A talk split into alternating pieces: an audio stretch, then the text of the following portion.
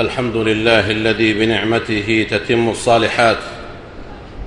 نحمده سبحانه ونستعينه على كل ما مضى وما هو آت. وأشهد أن لا إله إلا الله وحده لا شريك له. تفضل على حجاج بيته بتمام حجهم بعد أن وقفوا على صعيد عرفات. وأشهد أن محمدا عبد الله ورسوله. أرسله ربه بالهدى والبينات. من اتبع سبيله نجا ومن صد عنه هلك ومات. فصلوات الله وسلامه عليه وعلى آل بيته الطيبين الطاهرين وعلى أزواجه أمهات المؤمنين وعلى أصحابه ومن تبعهم بإحسان إلى يوم الدين وسلم تسليما كثيرا.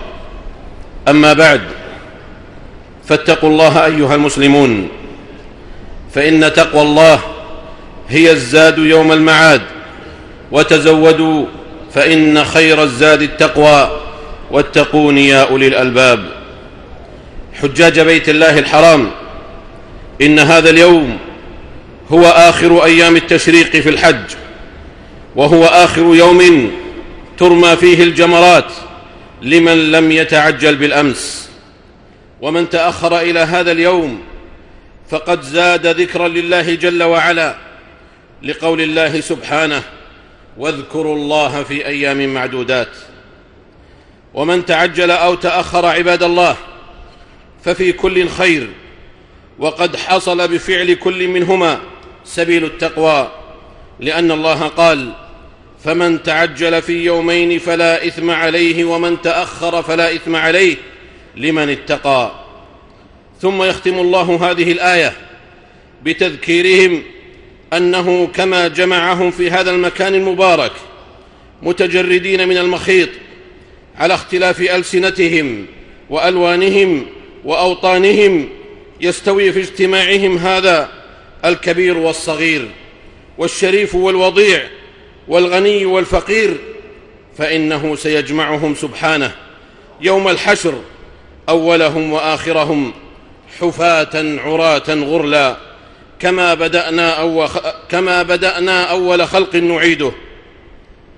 لأن في ختام أعمال الحج تذكيرا بانتهاء الحياة الدنيا ثم حشر الناس إلى رب العالمين. فلذا ختم الله آية الرمي بقوله واتقوا الله واعلموا أنكم إليه تحشرون. حجاج بيت الله الحرام لقد أكرم الله أمة الإسلام بهذا النسك الفريد الذي خالفت به حج أهل الجاهلية الأولى حيث كانت تجمعاتهم في الحج آنذاك يكتنفها لوثة أصنام وخمر وميسر وأنصاب وأزلام. كانت عرصات المشاعر عندهم لأمور الدنيا حلالها وحرامها. فقد كانوا يتناشدون الأشعار ويتفاخرون بالسلب والنهب ووأد البنات ويعدون ذلك كله من المكرمات. إنه خليط ممزوج من الأضداد والمتناقضات. فجاء الإسلام فجاء الإسلام دالا على كل خير محذرا من كل شر قاطعا بحسم كل مظاهر الجاهلية الأولى في مناسكها وشؤونها كلها. فأرسل النبي صلى الله عليه وسلم أبا بكر رضي الله تعالى عنه في السنة التي قبل حجة الوداع أن ينادي في الناس ألا يحج بعد العام مشرك وألا يطوف بالبيت عريان. ولما كان أهل الجاهلية شغوفين في موسم الحج بذكر آبائهم فخرا وخيلاء إذ يقول الرجل منهم كان أبي يطعم ويحمل الحمالات ويحمل الديات ليس لهم ذكر غير فعال آبائهم فأنزل الله على رسوله صلى الله عليه وسلم ما ينبغي أن يفعله الحاج عند قضاء المناسك مخالفا به شعارات الجاهلية فقال جل شأنه فإذا قضيتم مناسككم فاذكروا الله كذكركم آباءكم أو أشد ذكرا. فمن الناس من يقول ربنا آتنا في الدنيا وما له في الآخرة من خلاق ومنهم من يقول ربنا آتنا في الدنيا حسنة وفي الآخرة حسنة وقنا عذاب النار. أولئك لهم نصيب مما كسبوا والله سريع الحساب. حجاج بيت الله الحرام. لقد أديتم نسكا هو الركن الخامس من أركان الإسلام. نسك فريد في هيئته وصورته. نسك أعمل فيه المال والجوارح بصورة لا يشاركها فيها غيرها من العبادات. لقد عشتم أجواء الروحانية واستنشقتم نسمات إيمانية جعلتكم إلى الله أقرب ومن معصية الله أبعد. لقد خالطتكم أنفاس الأخوة الصادقة وهبت عليكم رياح العدل والمساواة. ليس للغني ليس للغني لبس غير لبس الفقير ولا وقوف غير وقوفه ولا رمي غير رميه. ولا طواف ولا مبيت ولا سعي. كلهم في النسك سواء. وأقربهم إلى الله وأقربهم إلى الله أتقاهم. فليس السابق فيهم فليس السابق فيهم من سبقت به دابته وإنما السابق من سبق به عمله وإيمانه. من سبق به عمله وإيمانه وصلاحه. إنما يتقبل الله من المتقين. حجاج بيت الله الحرام. ها هي مناسك الحج. تنظم آخر خرزها. فما أنتم فاعلون بعد ذلك؟ أتكون التوبة النصوح والعمل الصالح والاستقامة على طاعة الله بعد الحج هي النبراس لكم فيما بقي من أعمار. أم هو التنافر والتدابر والتفريط والتفريط في جنب الله. هل سينتقل كل هل سينقل كل حاج ما شاهده من سماحة الإسلام وعدله المتمثل في الوحدة والتآخي والتيسير؟ هل يمكن أن ينقل الحاج مثل هذا الواقع إلى واقع عملي في أهله وذويه ومجتمعه؟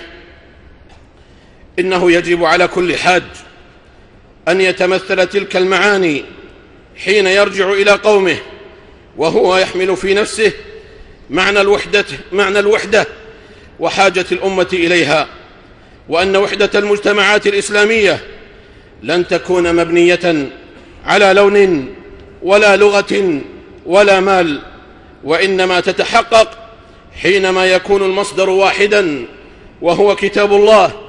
وسنة رسوله صلى الله عليه وسلم. قد لا يجمع المسلمين قاطبة. إمام واحد متفرد في سلطانه فإن هذا من العجز بمكان. لكنهم غير عاجزين عن أن يكون كتاب الله هو سلطانهم جميعا فإنهم إن يتمسكوا به يهتدوا. إن هذا القرآن يهدي للتي هي أقوم ويبشر المؤمنين الذين يعملون الصالحات أن لهم أجرا كبيرا. بارك الله لي ولكم في القرآن العظيم ونفعني وإياكم بما فيه من الآيات والذكر الحكيم. أقول قولي هذا وأستغفر الله لي ولكم ولسائر, ولسائر المسلمين من كل ذنب وخطيئة فاستغفروه وتوبوا إليه إنه هو الغفور الرحيم.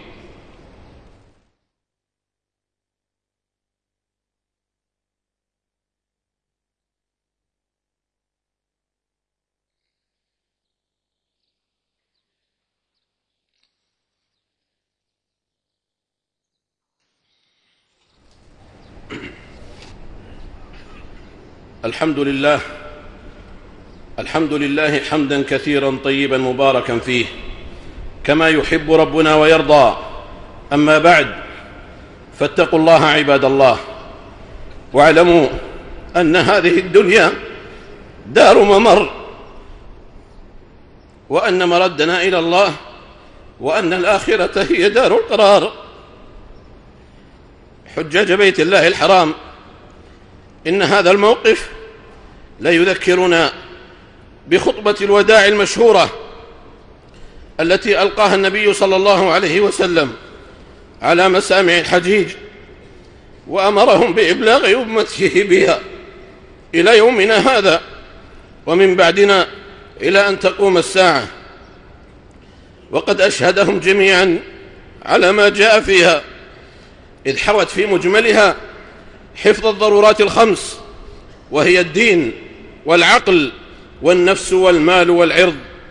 فقد قال في خطبته فقد قال صلى الله عليه وسلم في خطبته تلك عن الدين وإني تركت فيكم ما لن تضلوا بعدي إن اعتصمتم به كتاب الله. فلن تقوم الأمة فلن تقوم الأمة إن لم تقم دينها كما أراد لها ربها. وقال صلوات الله وسلامه عليه عن حفظ العقل. ألا إن كل شيء من أمر الجاهلية تحت قدمي موضوع. فلا مجال للعبث فلا مجال للعبث بالعقل بمسكرات أو مخدرات أو فكر ينحرف صاحبه به عن جادة الصواب. وقال صلوات الله وسلامه عليه عن حفظ النفس والمال إن دماءكم وأموالكم حرام عليكم. ودماء الجاهلية موضوعة. وإن أول دم أضع وإن أول دم أضع من دمائنا. دم ابن ربيعة. دم ابن ربيعة بن الحارث ابن عبد المطلب. كان مسترضعا في بني سعد فقتلته هذيل. وربا الجاهلية موضوع. وأول ربا أضع من ربانا ربا عباس بن عبد المطلب. فإنه موضوع كله. وقال صلوات الله وسلامه عليه عن حفظ العرض في تلكم الخطبة الشهيرة فاتقوا الله في النساء فإنكم أخذتموهن بأمانة الله واستحللتم فروجهن بكلمة الله. وإن لكم عليهن ألا يطئن فرشكم أحدا تكرهونه. فلا مجال في الإسلام للمزايدة بحقوق المرأة. ولا بالجنوح بها إلى ما يخالف فطرتها وعفافها. فإن ذوي الأهواء والشهوات لا يرتوون إلا بإبرازها علما للفتنة والانحراف. وقد قال صلى الله عليه وسلم فاتقوا الدنيا واتقوا النساء فإن أول فتنة, فإن أول فتنة بني إسرائيل كانت في النساء. ألا فاتقوا الله معاشر الحجاج. واتقوا الله أيها المسلمون وتوبوا إليه توبة نصوحا. ثم احمدوا الله حجاج بيت الله الحرام. على أن هيأ لكم هذا النسك, هذا النسك المبارك. وأتمه لكم بفضله وكرمه. ويسر لكم ما لم يكن في من كان قبلكم.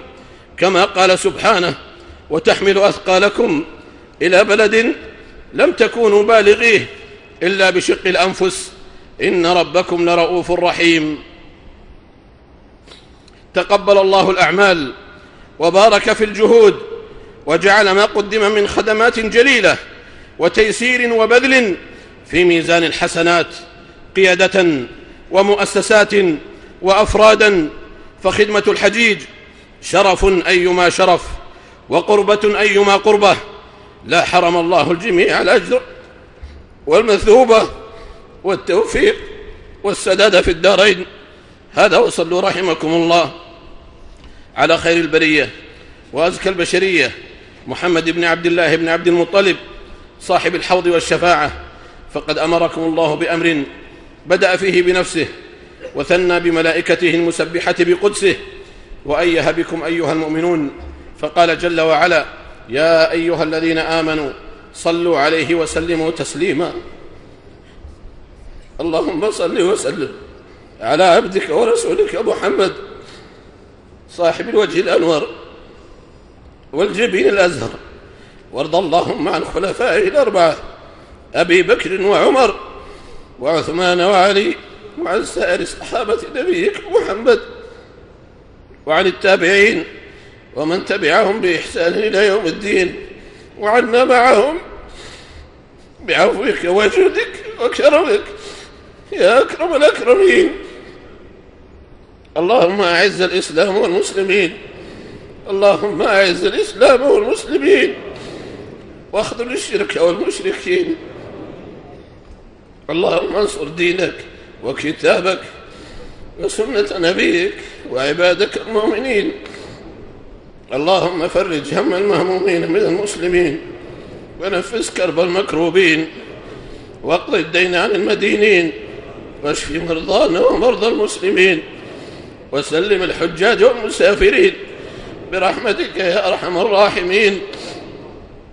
اللهم اجعل مواسم الخيرات لنا مربحا ومغنما وأوقات البركات والنفحات لنا إلى رحمتك طريقا وسلما.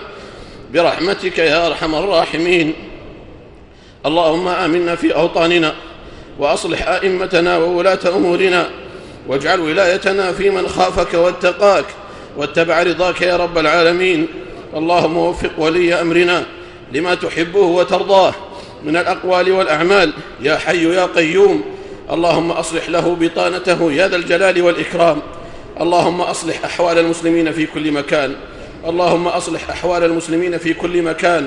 اللهم أصلح أحوال المسلمين في كل مكان. اللهم انصر إخواننا المستضعفين في دينهم في سائر الأوطان. اللهم انصرهم على عدوك وعدوهم. يا ذا الجلال والإكرام. اللهم اجعل اللهم تقبل من الحجاج حجهم. اللهم تقبل من الحجاج حجهم.